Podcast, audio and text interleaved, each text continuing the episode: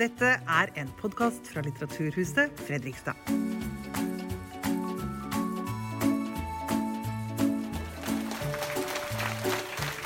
Vi går rett på sak. De fleste forskerne er jo enig. Det gir ingen mening å snakke om menneskeraser. Men, men denne forestillingen den lever jo videre inne i hodene til mange. Og dette begrepet menneskeraser har jo vært, et, uh, vært en sentral samfunnsmessig premissleverandør gjennom flere hundre år. Begrepet rase har vært brukt til å forsvare eh, kolonier, slaveri, folkemord, men har også gitt utallige små og store utslag i måten samfunn er organisert på, fra skolevesen til eiendomsforvaltning og medisin. Og Nå er historiker Jon Røyne Kyllingstad ute med boka som heter 'Rase'. Og I denne boka så forteller han om hvordan forskjellige vitenskapsdisipliner har vært brukt og latt seg bruke til å forsvare og forklare et biologisk hierarki der mennesker av forskjellig herkomst har ulik verdi. Og Denne boka kan dere få kjøpt og signert utenfor etter arrangementet. Så nå skal dere også møte Jon eh, Røyne Kyllingstad, som sitter her oppe. Men dere skal også få møte en mann som er fra en familie som har fått merke hva slike raseteorier kan føre til. Ervin Kohn har vært forstander i det eh, mosaiske trossamfunnet i Oslo og tidligere nestleder i Antirasistisk Senter. Og faren hans var den eneste av 13 søsken som overlevde holocaust. Så Ervin Kohn kom på scenen etter hvert. Eh, og til å intervjue disse to så har vi Kristine Haugsten Ellefsen hun er født og oppvokst her i Fredrikstad, utdanna historiker, og så har hun bred erfaring i kulturformidling og kommunikasjon. Så vi starter der med forfatteren, så velkommen på scenen til Kristine Haugstuen Ellefsen og Jon Røyne Kyllingstad. Ja, så bra. Takk for fin introduksjon, Roy. Da må vi skride til verket, da, Jon. Eh, takk for leseropplevelsen av denne boka. Det, var, eh, det, det gikk mange lys opp for meg underveis. Jeg følte meg klokere etter å ha lest den, så jeg kan egentlig bare si med en gang at dere bør kjøpe den og lese den. Dere trenger det. Ja. Men jeg vil jo veldig gjerne pirke litt i Det er jo litt spennende med deg òg. Hva, eh, hva, er det som får deg til å skrive 'Rase en vitenskapshistorie'? Kan du fortelle litt om bakgrunnen for prosjektet? Ja, det er jo en lang historie. for dette prosjektet Jeg begynte å jobbe med allerede da jeg var hovedfagsstudent. Er det dårlig lyd? Ok. Da ordner vi det før vi prater videre.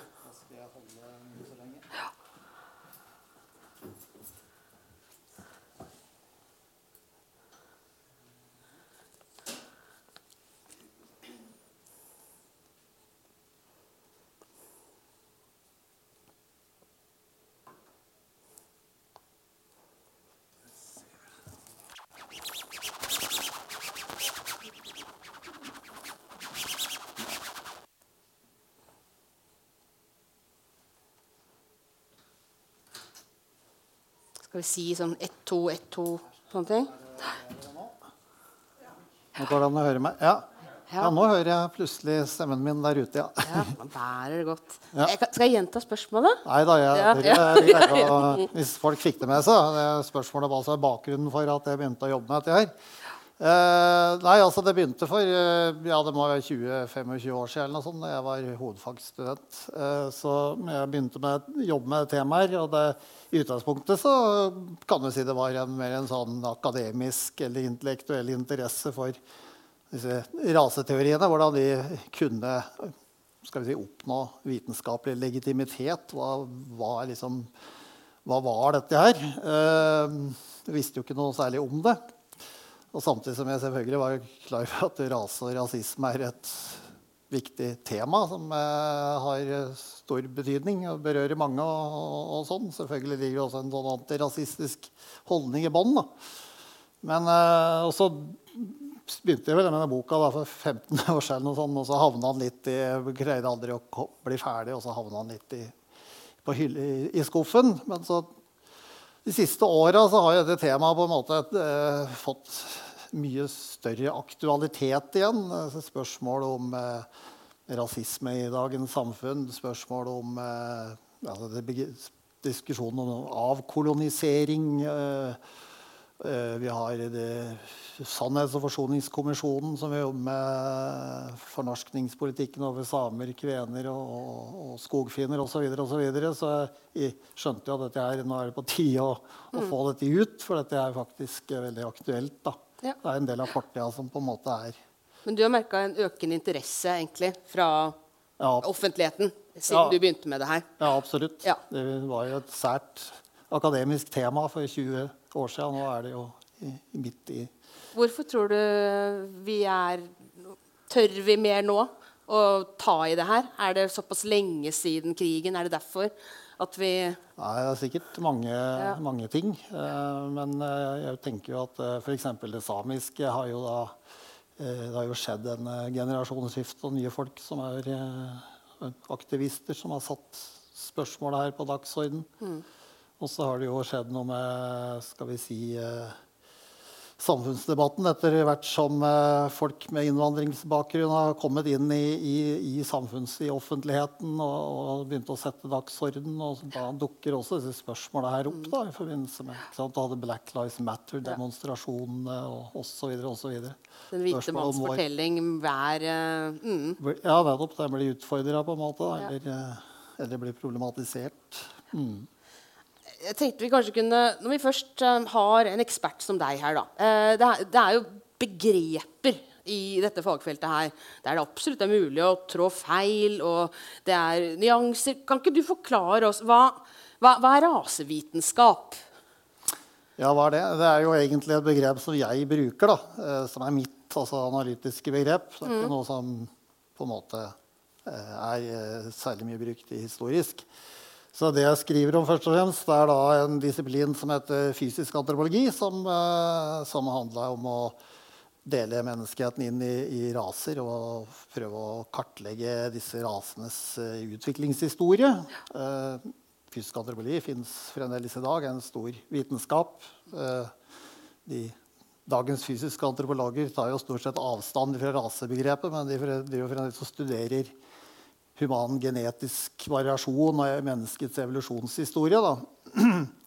Men så ser jeg også på andre vitenskaper som på en måte tar opp dette rasebegrepet, og som er relatert til da, antropo fysisk antropologien, sånn som eh, arkeologi, eh, språkforskning, altså rasepsykologi. Jeg skriver ikke så mye om psykologi der, forresten. Det er litt. Ja, det er Ja, litt. ja, Ja, uh, ja, så det er liksom, men jeg har liksom satt, brukt rasevitenskap om de viten, eh, forskning som benytter rasebegrepet, og der rase står i sentrum. Da. Ikke sant? Hva er rasisme oppi det her? da? Er rasevitenskap og rasisme det samme? Nei, det vil jeg ikke si.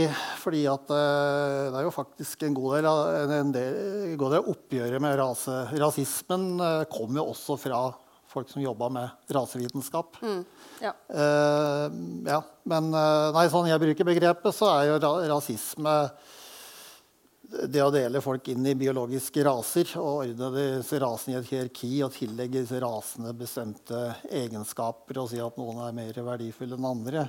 Eh, Det er jo selvfølgelig mange måter, og rasisme er jo et veldig åpent begrep og veldig omstridt begrep. I dag brukes det jo veldig ofte i mye bredere betydning. ikke sant? At det inkluderer også diskriminering basert på kultur og språk og religion osv. Eller og kan snakke om strukturell rasisme, som egentlig ikke handler om ideer og holdninger, men om strukturer og, og virkninger. Ja. Uh, så, men jeg, fordi jeg, dette handler om biologisk vitenskap, ikke sant, så har jeg valgt å bruke sånn, mer et sånn snevert begrep, da, fordi det eh, gir mening i den sammenhengen. Ikke fordi at jeg har noe, er noe kritisk til disse andre måtene å snakke om rasisme på.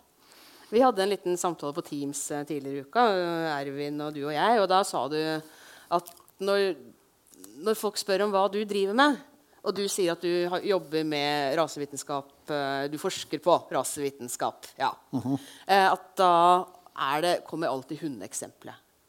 Ja. Da tenker jeg, Hvorfor skal jeg bryte en så lang, fin tradisjon? Ja. Ja. Eh, Hvorfor, uh, hvorfor er det sånn at man snakker så enkelt om raser når det er, kommer til dyr? Men mennesker, som også er jo en form for dyr, så blir det så veldig gæli. Altså Når det gjelder uh, Hund er jo ikke et dyr, det er et husdyr. Ja. Og husdyr er domestisert og avla på.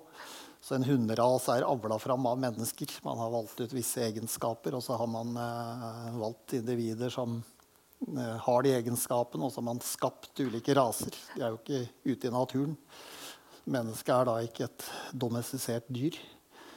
Men så er det jo sånn at man Altså det finnes jo genetiske forskjeller mellom befolkninger i verden, og det finnes genetiske forskjeller mellom individer. Eh, grunnen til at man sier at det er ikke gir mening å snakke om menneskeraser, er at disse forskjellene eh, de følger ikke et sånn mønster som gjør at du kan dele oss inn i bestemte kategorier. Hvis du tar utgangspunkt i én genetisk egenskap, si blodtype, så vil du få én type kategorier. Og tar utgangspunkt i noe annet, så vil du få andre kategorier. De vil ikke overlappe.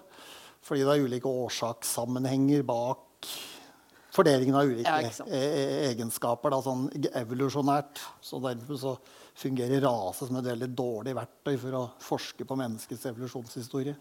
Men det syns de ikke på slutten av 1700-tallet og gjennom 1800-tallet og halve 1900-tallet. Eh, Nei, nei, nei. Så din fortelling eh, om raselignskap den begynner vel litt sånn på slutten av 70-tallet? gjør det ikke det? Jo. Ja. Eh, kan, kan du ikke liksom trekke litt de store linjene for oss? Du snakker jo om Carl von Linné, f.eks. Som er sånn, det er sånn som jeg forbinder med flora og sånne akvarelltegninger av blomster. Nesten litt sånn søte ting. Ja. Eh, men han var en av de første Ja. vitenskapsteoretikerne som klassifiserte og rangerte Ja. mennesker. ja. Ja.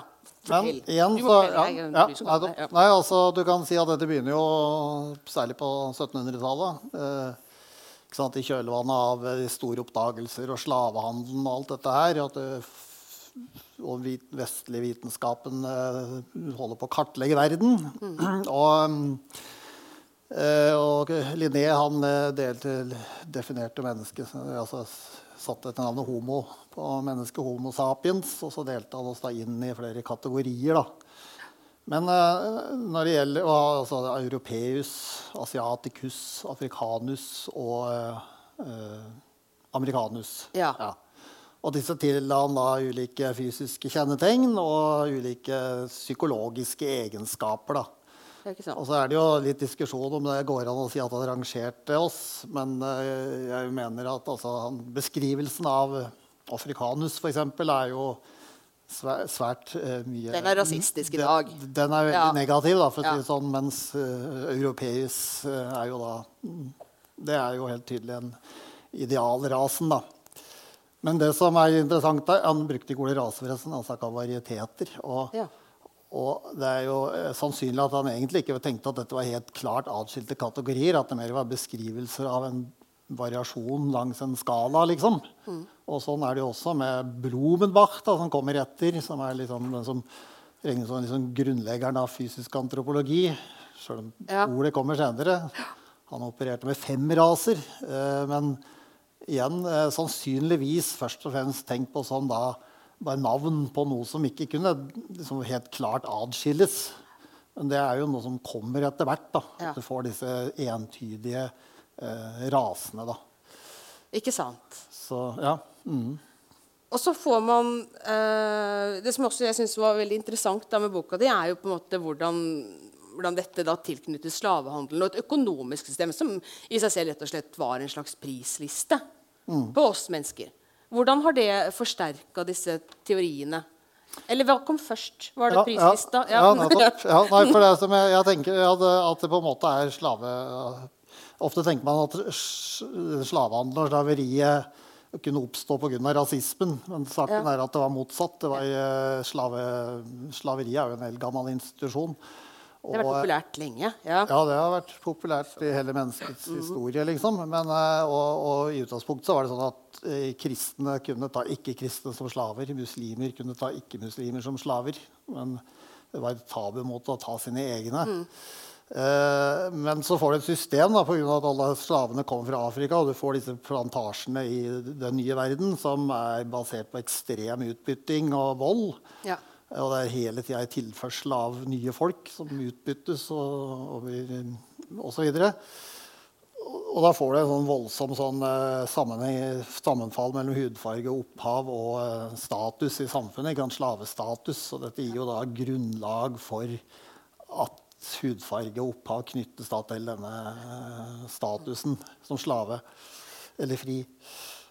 Men så er det sånn med raseforskning at den er jo på en måte tvetydigere. fordi at eh, Grunnen da, til at man får denne eh, interessen for dette, her, ligger jo bl.a. i at du får opplysningstida, og du har også kristen humanisme, som tilsier at alle mennesker er like mye verdt. Ja, og ja Hvordan henger det sammen, liksom? ja, nettopp. Og, det, Ja. og da er det jo på en måte enden kan du da si at ja, det betyr at vi må avskaffe slaveriet.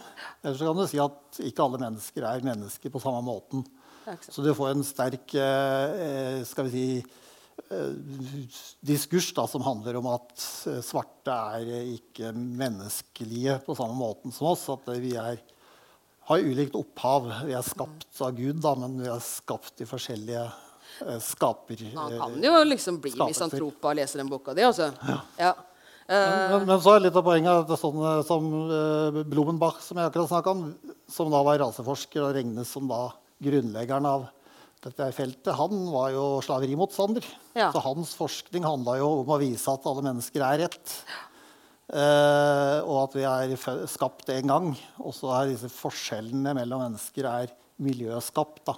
Det er tilpassa ulike klimaer. ikke sant? Og ifølge han så ville man over noen generasjoner, hvis en afrikaner flytta til Europa så ville, og fikk samme levekår og kultur som oss, så ville den over tid bli som oss. da. ikke sant? Eller hans Ja. Det var ikke slekt, da. statisk. Det var ikke Det var ikke statisk. statisk. Nei. Um, hva tenker du liksom Nå har jo du jobba med det her i veldig mange år. Uh, jeg hadde et annet uh, bokbad for noen uker siden med Anne Bitz. -hmm. uh, som også skriver om rasisme, men moderne rasisme. da. Uh, uh, og drapet på Benjamin Hermansen. Hun sa at hun ble veldig prega av å lese på en måte, Av å studere egentlig nazisme, da, eller nynazisme, som hun har gjort i mange år. Har du liksom hvordan er det egentlig å sitte og studere sånn grusomhet satt i system, da? Som Mange må jo si at dette er eh, over så mange år. Ja, nei, det kan du si. Kanskje jeg er litt mer avstumpa enn eh, andre. ja. Nei da. Jeg føler Ja. jo Nei, altså for meg er det, er det nok veldig altså det er nok mer at det blir intellektuelt Ja. eh, nysgjerrig på å prøve å forstå hva det er. Blir du sint eneste- på Unnskyld, så god. Ja, nei, Disse folka lever jo ikke lenger, så det hjelper jo ikke så mye å være sint på dem. da, De fleste av dem er jo døde. Men det eneste unntaket, for jeg fikk et sånn oppdrag for um, Sannhets- og forsoningskommisjonen, som jeg akkurat snakka om. Ja. å Utrede denne forskninga Ja, på eh, Og da skulle jeg også lage en sånn, prøve å si noe om i hvilken grad eh, raseforskning som har vært gjort på samer, kvener og skogfinner, har liksom påvirka uh, fordomsregimet i, i samfunnet, liksom. Og, og, og da liksom i den settingen, når du vet at dette her faktisk er noe som betyr noe for folk i dag, og som inngår, altså, da merka jeg at det plutselig så gikk litt mer inn på meg da når jeg leste en del av disse rasistiske eh, beskrivelsene av mennesker som, eh, som var, eh, ja, du finner i medisinsk litteratur og, og Og geografiske overalt. Reklamer. Var du skrev et eller annet sted du sa Den norske turistforeningens brosjyrer. Dypt rasistiske. Ja, Ja. Men, men det er nok Ja. litt uh, småtterier i forhold til en del av det du finner andre steder. da. Ja, riktig. Ja, riktig. Nei, men uh, vi kommer litt tilbake til det etterpå. Hvordan vi liksom Ja, er de liksom barn av sin tid, disse vitenskapsmennene? Det var mest menn. Kom noen Mest. damer litt sånn på sisten Uh, Ja. Ja, Ja. Hvis ikke det er liksom ditt mannlige blikk, da, som eh, Ja, nei, det er jo uh, Kvinner hadde jo ikke adgang til universitetet engang. Så det var ikke så mange av dem som ble forskere før, før de fikk den adgangen, for å si det sånn. Logisk nok. Men den der, du sier jo liksom at man blir jo litt sånn intellektuelt distansert, og det syns jeg jo også ja, Det også er litt sterkt å lese, syns jeg, egentlig, boka di. Den derre målingen, tellingen, den derre avstanden til at dette er mennesker, da. Eh, så man egentlig I vitenskapen skal man jo ha en distanse, men det, blir, det, er, det er tøft å lese når det går på grupperinger av mennesker. Ja. Eh, du, og så har du også skrevet en bok som heter 'Kortskaller og langskaller'. ja. Ja. Kan du fortelle Forklare oss litt. Hvorfor ble man så besatt av disse, dette størrelsesforholdet mellom nese og ører, eller hva det var? Ja, altså Kortskaller og så det handler jo om da eh, forholdet mellom lengden og bredden på hodeskallen. Ja, Det var viktig, liksom. Ja, det var viktig. Ja. og det var jo altså det er en veldig interessant historie, for det starter jo med at en teori om at uh, formen på hodeskallen forteller noe om formen på hjernen, og at det kan da fortelle noe om uh, mentale evner. Og også i et hierarki, da. Så dette er jo da frenologien, som det gjerne omtales om, som utvikles på slutten av 1700-tallet.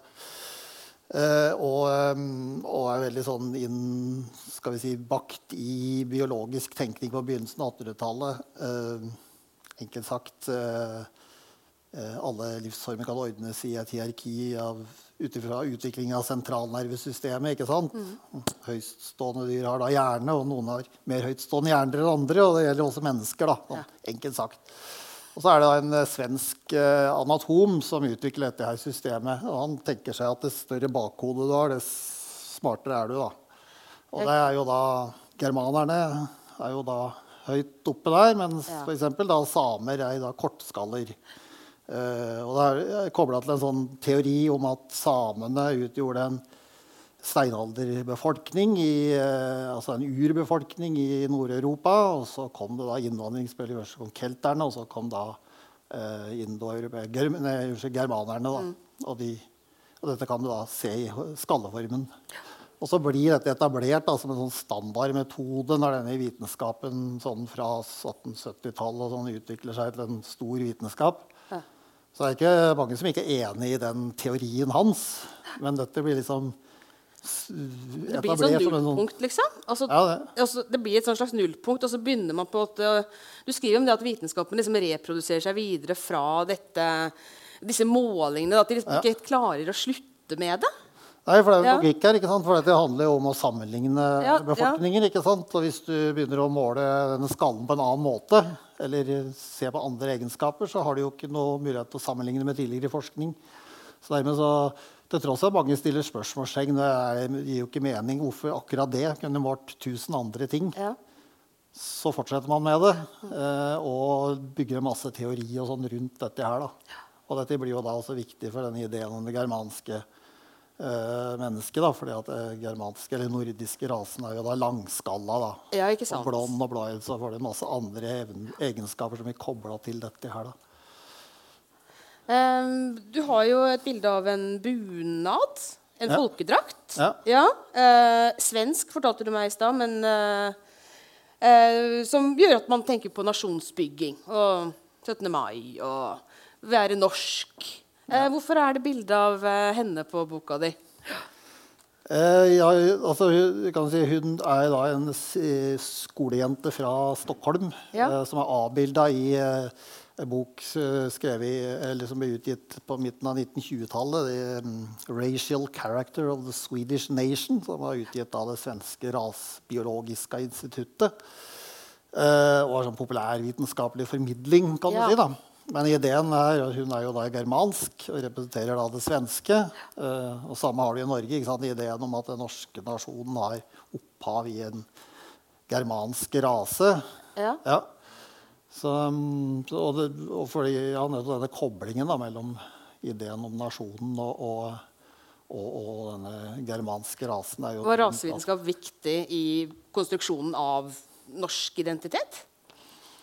Eh, jeg tror ikke det er riktig å si at eh, den er, vi, den er en del av det. Ja. Men er ikke, det er jo ikke sånn at norskhet ble oppfatta Hvis du nå liksom tar et veldig sånn generelt sveip over slutten av 1800-tallet og begynnelsen av 1800 at den, det var en rasemessig identitet. Det var jo først en kulturell identitet. Ja. Handlet om språk og historie og, og sånn. Og veldig uh, mye av disse akademikerne som holdt med norsk historie og norsk kultur, de var jo opptatt av liksom, nasjonens tilpasning til den norske naturen, til landskapet.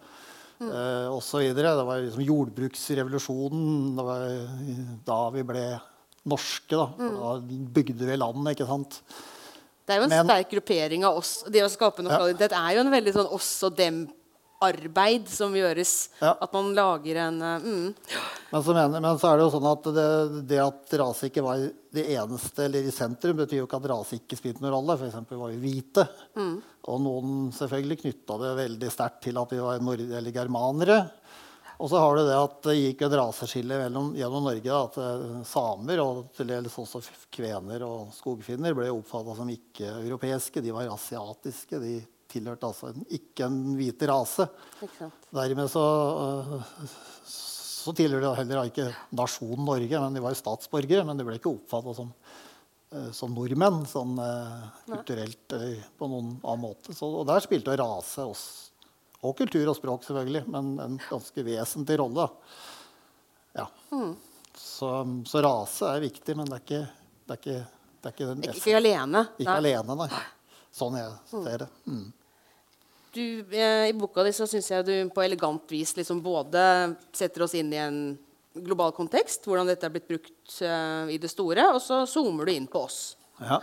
Og det er jo mye kolonihistorie. Og vi var jo ikke noe kolonimakt, vi, men vi hadde jo med oss mye av dette tankegodset, da. Um, kan du si litt mer om hvordan det her har prega behandlingen av vårt eget urfolk? Eller våre urfolk? Ja. Ja, det er jo et veldig interessant tema. Da. Så, uh, for uh, du kan si at du, det fantes en sånn raseorientert rasehygiene og en bevegelse som som jeg eh, sier, som satte det, liksom, det nordiske og germanske i sentrum, og som, eh, og som eh, var i, i tilhenger av en rasehygiene som skulle eh, verne om den nordiske rase og hindre raseblanding osv.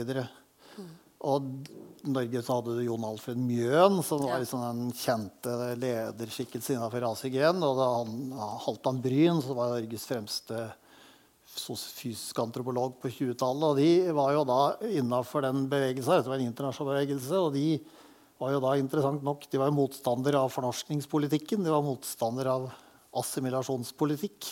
For det var jo det samme som raseblanding.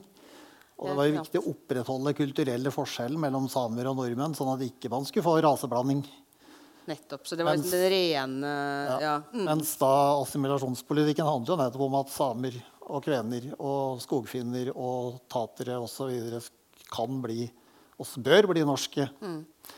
Men så er det jo sånn at dette er jo en, det er jo ikke sånn at folk er konsekvente. sånn at de samme folka kunne godt være rasister og, og ha negative stereotypier om, om minoritetene ut ifra sånn rasetenkning og samtidig være tilhengere av eh, fornorskning. Så altså, Ja. dette er jo kompliserte greier. da. Ja, nei, det, er, det er komplekst, og det var jo mange Det er jo en vrimlebok av eh, rasistiske menn, det her. Ja. Eh, men det var også motstemmer. Ja. Ja, det, det var jo eh, Ja. Det var ikke sånn at alle, rent, alle var enige om at dette var veien å gå. Nei, altså her er det jo en eh, Det, det er jo snakker jo med de store ord med langt tidsspenn og sånn, men er, jeg, det, liksom, jeg er veldig opptatt av å vise det at i nesten på ethvert tidspunkt så er det eh, eh, mange ulike synspunkter. Det er jo ikke sånn at når jeg snakker om denne nordistisk, germansk orienterte rasismen, så er ikke det noe alle støtter, eller som er en sånn generell Dette er en mer sånn retning, da. Men de ideene har jo ganske stort gjennomslag på, blant mange folk. Og liksom ideen om at det finnes høytstående og lavtstående raser, er jo helt vanlig. Men det finnes hele tida folk som stiller spørsmål og er kritiske. Og de stemmene kommer jo bl.a. ifra denne vitenskapen. Da, fordi at det, når man driver og måler skaller og hudfarger og hår altså, s- det, man greier jo aldri å finne disse rasene. Nei. For det er jo flytende overganger og, og, og, og rot og kaos. Ja. Så man blir jo aldri enig om hvilke raser som fins. Og de fleste fortsatte jo da å tenke rase, Vi må vel lete mer. Men så er det jo hele tida noen som liksom kritiserer og sier dette her kan jo ikke stemme rundt slutten av forrige århundre, eller slutten av 1800-tallet, så var det mange som liksom begynte faktisk å stille spørsmålstegn om hele ideen om rase var meningsløs. da. Men en, det tar, la- tar likevel et halvt århundre til da, før det virkelig Ja. skjer noe. ja. Ja. Vi måtte gjennom uh, andre verdenskrig først, egentlig. Er egentlig måtte Ja. vel det. Eh, eh, Innimellom så kan jo jeg torturere meg selv med sånne tanker om uh, at uh, hvem, hvem ville jeg vært i, en sånn, uh, i et sånt fagfellesskap som det her? da? Ville, man, ville jeg vært en av de som reiste meg på et jobbseminar og sa sånn Nei, sånn kan man ikke snakke om andre mennesker. Eh, har du reflektert noe over det, liksom? Hvem tror du at hvem tror du at du ville vært? Nei, det var det. Nei, det har jeg faktisk ikke, ikke reflektert over. Eller, eller om det just er en situasjon i dag da, hvor vi Mm. går i en sånn retning igjen. Og du sitter på fagseminar. Mm. Eh, masse internasjonalt anerkjente forskere som eh, har publisert mer enn deg. Og Mm. som sier at nei, men nå ser vi egentlig at eh, det, er, eh, vi, det begynner å se konturene av en rase i Afrika. Ja. Ja, nei, det er klart at eh, Tør vi da? Har Har vi liksom li- Det er noe med den vitenskapen, da. Ja, Én ting er hva man tør, men noe annet er jo man er i stand til å, hva man er i stand til å se og, og, og liksom overskue. For du er jo en del av et eh, av en eh, Du er et barn av din tid. Du er et barn av din Ja, tid. ja. Uh, ja. Nei, så det Det kan jo dere tenke litt på. Ja. ja, mm. Tromsø museum hadde jo en utstilling som het 'Hvem er du når verden brenner?' Og den gikk jo på om at du måtte bli utsatt for masse sånne moralske valg. da. Ville du vært en av de som hjalp jøder over Iddefjorden, f.eks.? Mm. Og så måtte mm. Så Ja. ja, Nei, man vil jo selvfølgelig være den som er sann til å stå opp og, jeg håper vi og, og sånn videre. Men, Ja. eh, men eh, ja. Eh, på begynnelsen av 1900-tallet så så får vi Det er kanskje ikke nye begreper, men det er vel da man begynner at du skriver mer om rasehygiene, eugenikk. ja. Kan du hjelpe oss å forstå hva det betyr? Hva slags dreining tar den, den vitenskapshistorien du skriver om der? Ja, jeg har jo eh, så vidt vært inne på det allerede, men altså, rasehygiene er jo ideen om at Eller eugenikk, da. Det er jo to ord for eh, i praksis samme tingen. Eh, at du kan ja, At menneskets naturlige utvikling, eh, evolusjon, har stoppa opp pga. Uh, samfunnet. Uh, sørge, for at eh, det ikke lenger er et naturlig utvalg. Folk som ellers i naturtilstanden ikke ville fått eh, barn eller ikke ville overlevd, de overlever og reproduserer seg. Og så tenker man seg at da er menneskeheten eller nasjonen eller Vesten eller hva det er for noe, er i ferd med å stagnere og, og degenerere. Da. Ja. Og så må man sette inn tiltak for å sørge for at de med dårlige arveegenskaper ikke får videreført de, og de med gode arveegenskaper, som man tilfeldigvis tenker seg befinner seg i samfunnseliten, eh, får flere barn. Men så er det jo en del av denne eh, eugeniske tenkningen som også er veldig opptatt av rase, og rasistisk i den forstand. At det, er, man tenker seg at de gode arveegenskapene befinner seg i visse raser. Og, og det er jo særlig da denne ideen om den nordiske eller germanske rase. Da, at, eh, at de gode arveegenskapene befinner seg, og at hele den vestlige sivilisasjonen på en måte bygger på eh, at denne rasen vernes mot eh, raseblanding. Og Innenfor den delen av rasehygienen, for dette er jo en veldig bred bevegelse, det er jo alltid fra feminister og sosialister til ekstremt reaksjonære folk som mm, er innafor denne bevegelsen.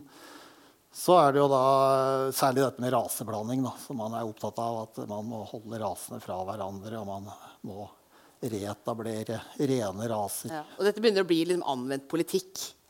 Ja, altså Ja. I eh, USA for eksempel, så er jo, eh, jo, blir jo innført steriliserings, eugeniske steriliseringslover i en rekke stater. Og det er jo tusenvis av mennesker som blir sterilisert, for eksempel, da. Ja.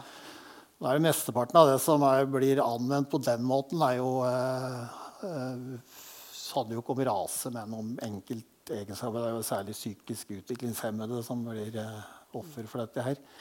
Men så påvirker det jo innvandringspolitikk, f.eks. i USA eh, og mange andre steder. Og det påvirker eh, hele måten man snakker om samfunnet, da. Og vi får jo også en uh, steriliseringslov i Norge i 1934. Eh, som jo ikke er rasistisk jeg forstår at den er retta inn mot bestemte samfunnsgrupper, men den uh, åpner da opp for Altså den i utgangspunktet var det forbudt å la seg sterilisere, så den åpner jo for frivillig sterilisering, men også for sterilisering på eugenisk grunnlag. da. Ikke sant? For, for, å, for å ikke blande.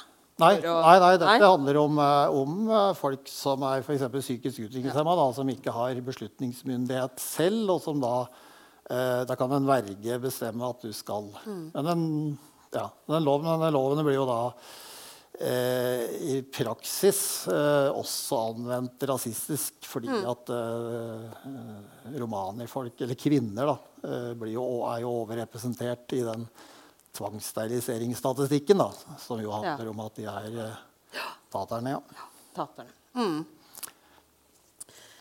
Um, ja, det, det er et veldig spennende bildemateriale i den boka. Blant annet det noen sånne plakater fra USA der hvor det var en slags kampanje som het 'Better Babies'. Ja. Ja, og 'Fitter Families'. Ja. Og hvordan du på en måte kan ja, luke og mikse og trikse til sånn at uh, man Ja. får en uh, Veldig sjokkerende. Ja. Jeg lurer på om vi trenger Ervin opp på scenen igjen nå. Takk. Det her er Ervin Kohn. Han er eh, alderspensjonist. eh, jødisk. Eh, du er forstandig for det hebraiske trossamfunnet? Nei, jødiske trossamfunn. Ja, unnskyld. unnskyld. Kan ikke du introdusere deg selv, så ikke jeg sier Nei, noe? det er- Ja. Du har kommet veldig fint i gang. Ja. Og du har solgt stoler og kameraer? Ikke kameraer, bare stoler. Bare stoler? Gjør det Ja, sjøl, da. Ja. Kopimaskiner. Eh, Så kopimaskiner. Kopimaskiner. Mm. Kanon. Ja. Canon, ja. Canon. ja. Eh, og Ikke du ukjent eh, japansk eh, selskap. Skjønner, skjønner. Smooth start, ja. Du sier noe om at jeg har hatt mesteparten av mitt, eh, mitt yrkesaktive liv i næringslivet. Så jeg har vært eh, daglig leder i 18 år, og det er ganske lenge. Mhm. Eh, like lenge som eh, Jens B. Heierdal. Men så gjorde jeg et karriereskift, og så begynte jeg å jobbe i Antirasistisk Senter. Mm. Og der jobbet jeg i åtte år. Så eh, rasisme og antirasisme Jeg har vært profesjonell antirasist. Har jo da betydd en del for meg, selvfølgelig, og jeg tok den jobben fordi at det betydde noe for meg. Ehm, og så kommer ehm, Du kommer opprinnelig fra Ungarn? Ja, født Ja. i Budapest. Jeg er innvandrer. Heter det førstegenerasjonsinnvandrer? Så, Eksperten. Ja. Mm. jeg syns du stilte et veldig spennende spørsmål om, eh, om dette hadde noe betydning i nasjonsbyggingen i 1905. Og det hadde det. Eh, Lars Lien har skrevet en doktoravhandling om det. Og fordi at vi behøvde eh, noe som ikke var norsk når vi skulle bygge det norske.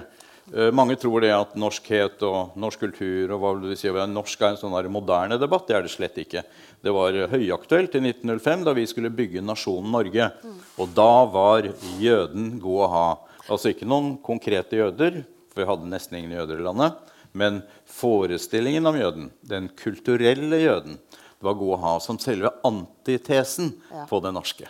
ja, ikke sant. Ja, og det skriver jo du også litt om. Hvordan vitenskapsmenn eh, lot seg bruke eh, i legitimeringen av eh, antisemittismen som vokste fram. Ja, det er klart. Ja. Eller lot seg legitimere eh, bruke, eller, eller var selv antisemitter og, Ja. og og, var pådrivere. Det er jo, begge deler er jo Men det er viktig å si noe om antisemittisme, for den vokste ikke fram da. Antisemittismen er 2500 år gammel. Og da daterer jeg det tilbake til Esters bok i Bibelen, som er altså 2500 år siden. Det er fryktelig lenge. Og det er eh, Alle fordommer eh, har visse unike karakteristika. Dette med den lange historien er ett av de karakteristika som man kan eh, lime på antisemittismen. Eh, Det er et par andre. Eh, Et av disse to andre er at eh, antisemittismen krever ingen jødisk tilstedeværelse. Vi har hatt veldig få jøder i, Norge i all tid. eh, Mesteparten av tiden ingen jøder i det hele tatt. Og vi hadde ganske mye antisemittisme i landet uten noen jøder til stede. Det er litt spennende. Det, Ja. ja, det, men det er interessant. Ja. Ja. Men da, la meg fortsette med antisemittismens historie. Fordi at Helt frem til slutten på 1800-tallet, 1879, da begrepet antisemittisme dukket opp, og det var en tysk eh, forfatter, journalist som het Wilhelm Marr, som fant på det uttrykket, det var øh, Frem til da så var altså ja, Det var stort sett kirkelig antijudaisme. Da var det mulig for en jøde å redde livet ved å la seg døpe. Ved å konvertere til kristendom så kunne man redde livet. Etter 1879, etter at eh, begrepet antisemittisme dukket opp, så var den døra låst. Da var det ikke lenger mulig å redde livet ved å la seg døpe. For da satt det plutselig i blodet. Ja, ikke sant. Da Og med antisemittismebegrepet. Helt Ja, mm, riktig. Da ja. fikk vi den biologiske, den rasistiske uh, jødehatet, antisemittismen. Uh, det at denne, disse teoriene er vitenskapelige, eh, og den respekten som vi i vårt samfunn har for egentlig vitenskap Jeg vil ikke vi si at det er vitenskapelig. Nei. Det var altså Hele den eugenikken det var altså et historie, forsøk på, Ja. det var et forsøk på å vitenskapeliggjøre Mm. fordommer. Men det at forskere sa det var riktig, det er liksom det jeg vil fram til. Hva, hva betyr det for øh, Jeg tenker at Det gjør jo at det er, er så vanskelig å bli kvitt. For vi sier så ofte sånn Ja, men det er jo vitenskapelig bevist. Ja, men det er kunnskap eh, som ligger i forskning. Det, Ja. det gir jo en veldig sterk legitimering. Ja, Det var derfor Um, de gjorde det. Nettopp fordi at det gir en legitimering. Og det, Ja. altså, Spørsmålet ditt er kjempebra. Det gjør at vi bør ha, få sånne varsellamper Mm. hver gang vi, eh, vi forsøker å vitenskapeliggjøre eller å, å, altså, blir presentert ulike vitenskaper eller ulike forskningsrapporter, så bør vi ta det med en klype salt. og hvordan gjør vi det? Ved å stille spørsmål. eh, For det finnes altså god forskning, kvalitativt god forskning, og det fins kvalitativt dårlig forskning. All forskning er ikke lik. Du kan si at hele den der eugenikken, eller store deler av den, er en skamplett på vitenskapen. Ja, men det er jo det. Og den, nå er jo den hva, hva du sier, demontert. Demonteringen av uh, rasevitenskapen. Ja, den er vel Ja. demontert, ja. Selv om Ja. det fins jo selvfølgelig eh, miljøer og folk som prøver å holde livet i, disse, i den skal vi si, vitenskapelige rasismen. da. Men det er mange år med rasevitenskapelig tenkning. Er er det, kan vi ha en tendens til å fortsatt tenke i raser uten at vi vil det, uten at vi vet det? Absolutt. Også både i, eh, i eh, altså jeg mener, Dette er jo komplekst, da, men i, i Norge så snakker vi f.eks. om eh, etnisitet. Ikke sant? Da blir jeg en etnisk nordmann. Ja. Var, I, I det begrepet, slik det brukes i, eh, i dagligspråket. er det sminka rase, liksom? Ja, i hvert fall så handler det nok om hudfarge. Det handler nok om å være hvit. Altså, vi har en nabo som er uh, tysk, og som har uh, norske barn, liksom. Det er ingen som noensinne har stilt spørsmålstegn ved om de er etniske norske. Så er det en annen Nei. venn som har adoptert unger fra Etiopia. og det er jo, de møter hele tida problemstillingen at de ikke oppfattes som etniske nordmenn. Men de er jo akkurat like norske som disse tysk... Altså, dette handler jo Ja. om, eh, om eh, opphav og identitet og til sjuende og sist også hudfarge. Da. Så, og da er det jo eh, Men så har det også tenker jeg, i vitenskapen, ikke bare i de ekstreme miljøer som faktisk prøver å holde liv i rasebegrepet, men det at uh, disse måtene å kategorisere på når man f.eks. driver og Hvis du kan gå på nettet og ta en en, en eh, sånn DNA-test, og så kan du få vite liksom, hvor, Ja, hvor mange proporsjoner du har av ulike sånne Det er vel rasetenkning i det? Sånn jeg er 17% samisk, f.eks. Ja, jeg Ja. mener at jeg i hvert fall har mye likhet i måten å, å, å, å kategorisere og tenke på. Da. For det er jo ikke sånn at uh, Det gir jo ikke mening. For det at alle som får sånne testsvar, de får jo vite at det er blanding av mye forskjellig.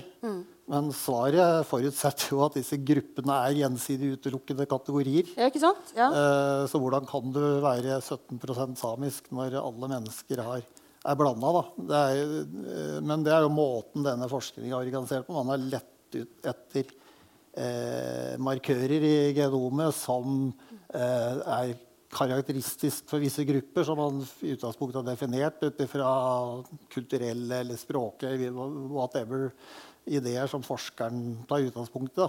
ja, en sånn og det- intellektuell interesse, liksom. Så, ja. Mm. Jeg stiller kan vi- ja. det med, altså, rasisme er problematisk uh, fordi det sier noe om uh, vurdering av uh, ulike mennesker. Eh, og som, som Jon sa i sted, at man putter dem inn i en eller annen pyramide. Noen er høyerestående enn andre, andre er laverestående. Det er det problematiske. Det å snakke om eh, ulike etnisiteter og snakke om ulike hudfarger i seg selv er ikke problematisk. Nei, det er jo Det- viktig å snakke om at vi er forskjellige Nei, det er ikke viktig å snakke om, men vi er forskjellige. Vi er jo Og det er uproblematisk. uproblematisk. Altså, en brun mann er brun. Det er, ikke noe, det er ikke noe å lure på. Det problematiske det er når vi essensialiserer. Når vi Mm. det betyr å- det betyr å tillegge Ja. ulike mennesker, for mennesker er ulike. medfødte egenskaper. At noen pga. deres utseende for eksempel, er late, og de er født late. Det sa jo Linné, ikke sant? Han mente at de der afrikanerne de var latere enn andre. og De kunne ikke brukes til en hel rekke ting. De kunne brukes til dette. ikke sant? De kunne brukes som slaver eller fysisk arbeid. Det er problematisk. Lær dere ordet essensialisering hver gang dere støter på det. Der, der, der, ringer masse bjeller. Ta dere i vare.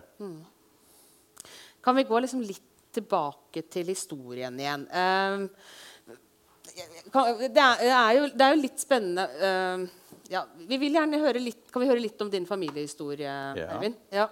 Uh, det er jo en litt tøff overgang fra en, en vitenskapshistorie Jeg syns jo at vitenskapshistorie blir distansert. Det er måling og avstand og ja, en slags intellektualisering. Og så har vi din historie, som er der hvor du ser dette i praksis på en grufull måte. Kan du fortelle litt om hvordan din familie har Ja, min familie er uh, veldig liten. Jeg er enebarn. Ja. Uh, få overlevende. Uh, meningen var jo at vi ikke skulle overleve noen av oss, verken mine foreldre eller jeg. Så um, jeg har da tre barn og ni barnebarn. Ni jødiske barnebarn. Og jeg sier at det er det beste beviset på at Hitler ikke vant. Uh, på den veien så er vi offer da, for mye av det som Jon beskriver i boken om rasehygienen, eugenikken. Um, um, et begrep som mislinger skriver Jon om. Mislinger er altså Jeg vet ikke om dere har hørt begrepet halvjøde og kvartjøde? Det må dere aldri bruke! Det er mislinger. Ja. Så det er en del av ja. vår kollektive historie. Uh, og det er kjempeskummelt. Det er noe med dette at uh, altså, hvem altså, Dere har hørt om Van C-konferansen. Ja. Uh, det var der man besluttet at, uh, at vi skal ta livet av europeiske jødene på denne måten. ikke sant? Med samle dem sammen, konsentrasjonsleire, gasskamre, kremere dem. Ferdig. Der brukte de kanskje mesteparten av tiden på den Van C-konferansen på å diskutere hvem skal vi ta. Altså, De brukte tid på å definere jødiskheten.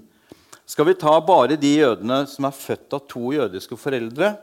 Skal vi bruke den jødiske halachiske definisjonen? En jøde er en som er født av en jødisk kvinne. Det er jo vår definisjon.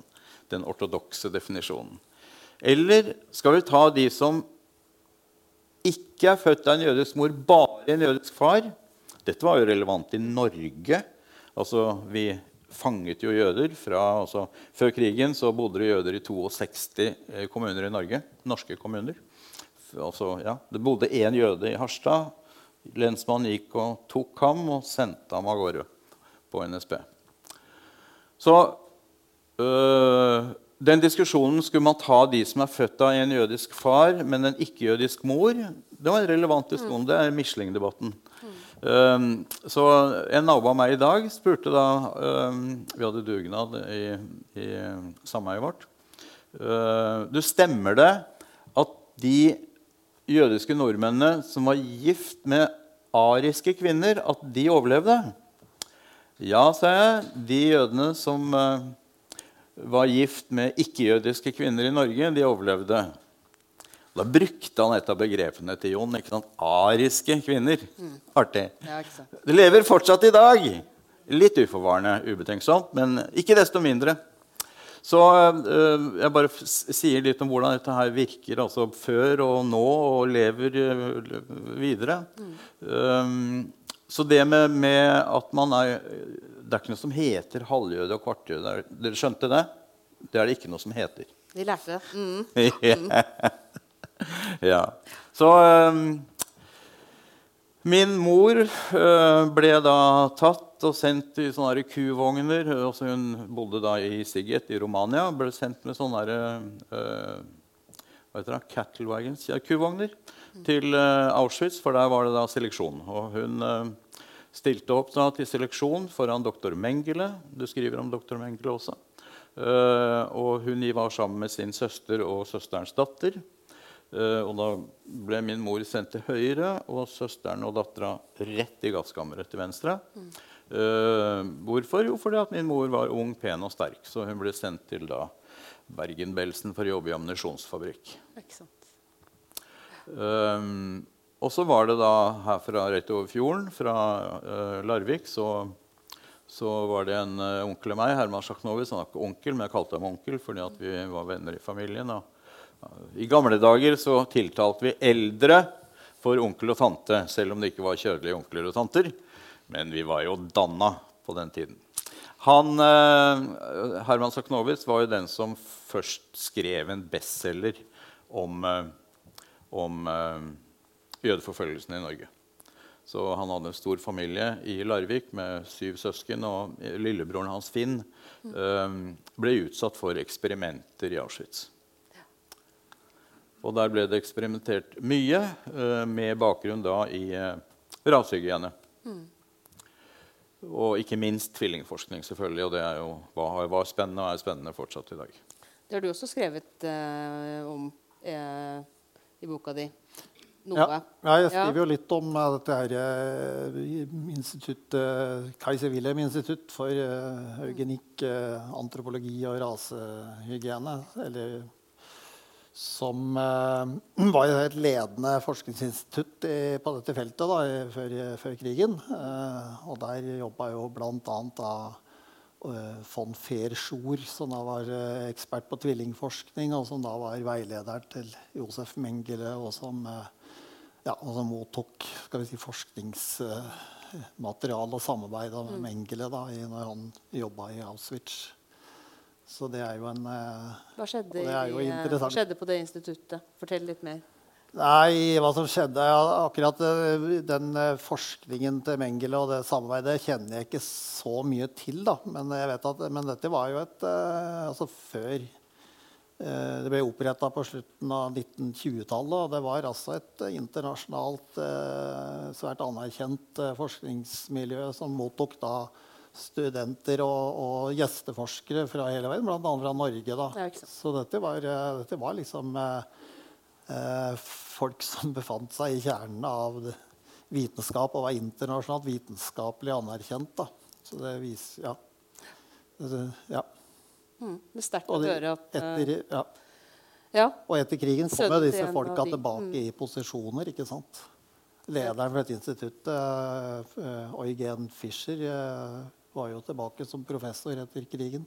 Etter en liten Ja. kort intermesso der den var på en måte uglesett. Og så var det Ja. Men har ikke, hadde ikke vitenskapsmiljøet samme oppgjør etter, etter holocaust som Nei. Nei. Nei, og, nei. Eller det Det var ble bare veldig ferdig. altså Man stengte døra, låste, kasta nøkkelen. Snakket ikke om det.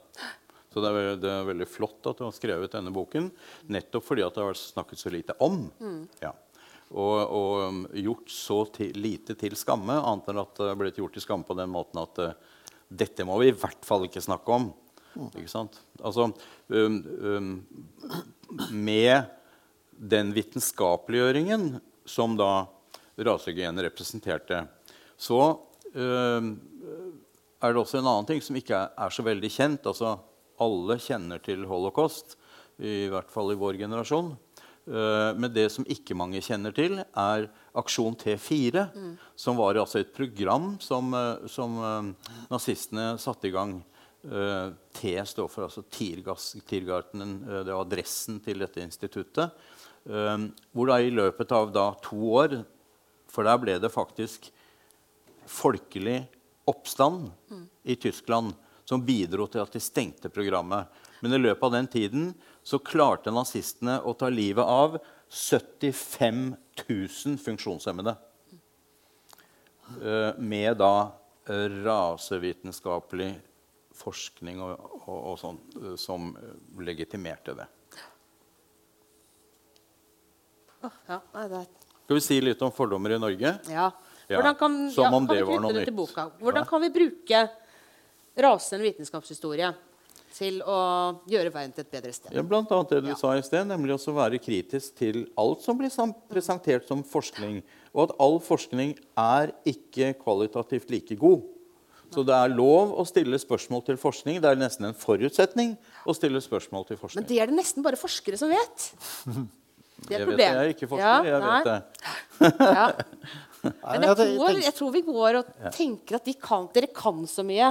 Ja. Altså, jeg tenker at Noe av problemet i dag er jo at det er jo veldig mange som stiller spørsmålstegn ved forskning. Altså, det er jo mye mistillit til eh, vitenskap og til eliter, og det er mye konspirasjonsteorier og alt det her. Og det gjør jo at en del Det er folk et overslag andre veien igjen. Det er overslag andre veien. Og det, men det gjør også at en del folk da går på en måte i den motsatte retningen og liksom forsvarer alt, alt vitenskapen står for, er Liksom en av de som man kan klamre seg litt til, er noe som er sant da, i denne Ja, verden av ja, så det, Men jeg tenker at, jeg tenker at er noe av, det, og det er veldig problematisk. for det er som du sier, Man må jo forholde seg kritisk til vitenskapen. Eh, samtidig er jo vitenskapen det eneste verktøyet vi har for å på en måte eh, skaffe ny og, og, og, og solid kunnskap om, om, om virkeligheten. Da. Eh, da, mm, og da tenker jeg at det, det er jo viktig å snakke om Eh, altså Forskning er jo alltid eh, altså Forskeren gjør valg. Hva man forsker på, hva slags begreper man bruker, hva slags eh, data man eh, genererer. ikke sant? Eh, så det er jo ikke sånn at forskning bare er en sånn eh, objektiv prosess som skrider fram eh, sånn en egen dynamikk. Noen finansierer forskningen. ikke sant? Eh, Det er et svært apparat. og det å å være ærlig om, om det og, og snakke om det. Og også snakke om i historien da, at eh, dagens forskning er jo også et produkt av tidligere forskning. Ja, forskning bygger videre på tidligere forskning. Altså fordommer og bygd inn i, i den kunnskapen som allerede er etablert, kan jo også, som jeg, også en av de tingene jeg prøver å vise, den blir jo, kan jo bli videreført hvis man ikke hele tiden har en kritisk dialog omkring premissene for den forskningen man driver på, driver på med, osv. osv. Jeg, jeg synes jo Under pandemien så fikk jo det egentlig demonstrert altså, Da syns jeg jo disse øh, forskerne, da, eller øh, fagfolka, når de øh, skulle snakke om øh, tiltakene som er gjort, sant? så var de utrolig gode på å kommunisere usikkerheten. De var Ja. utrolig gode på å forklare hvordan de tenkte, hva dette bygde på osv. Og, så og de oppnådde en tillit da, som man ofte ikke ser når det gjelder eh, forskning. Da. Eller, eh, ja, og det, liksom, det er noe der. Da. Vi må være i stand til å snakke sånn eh, Diskutere forskning på en Ja. annen Forskning måte. skal kunne kritiseres, og den skal være etterprøvbar.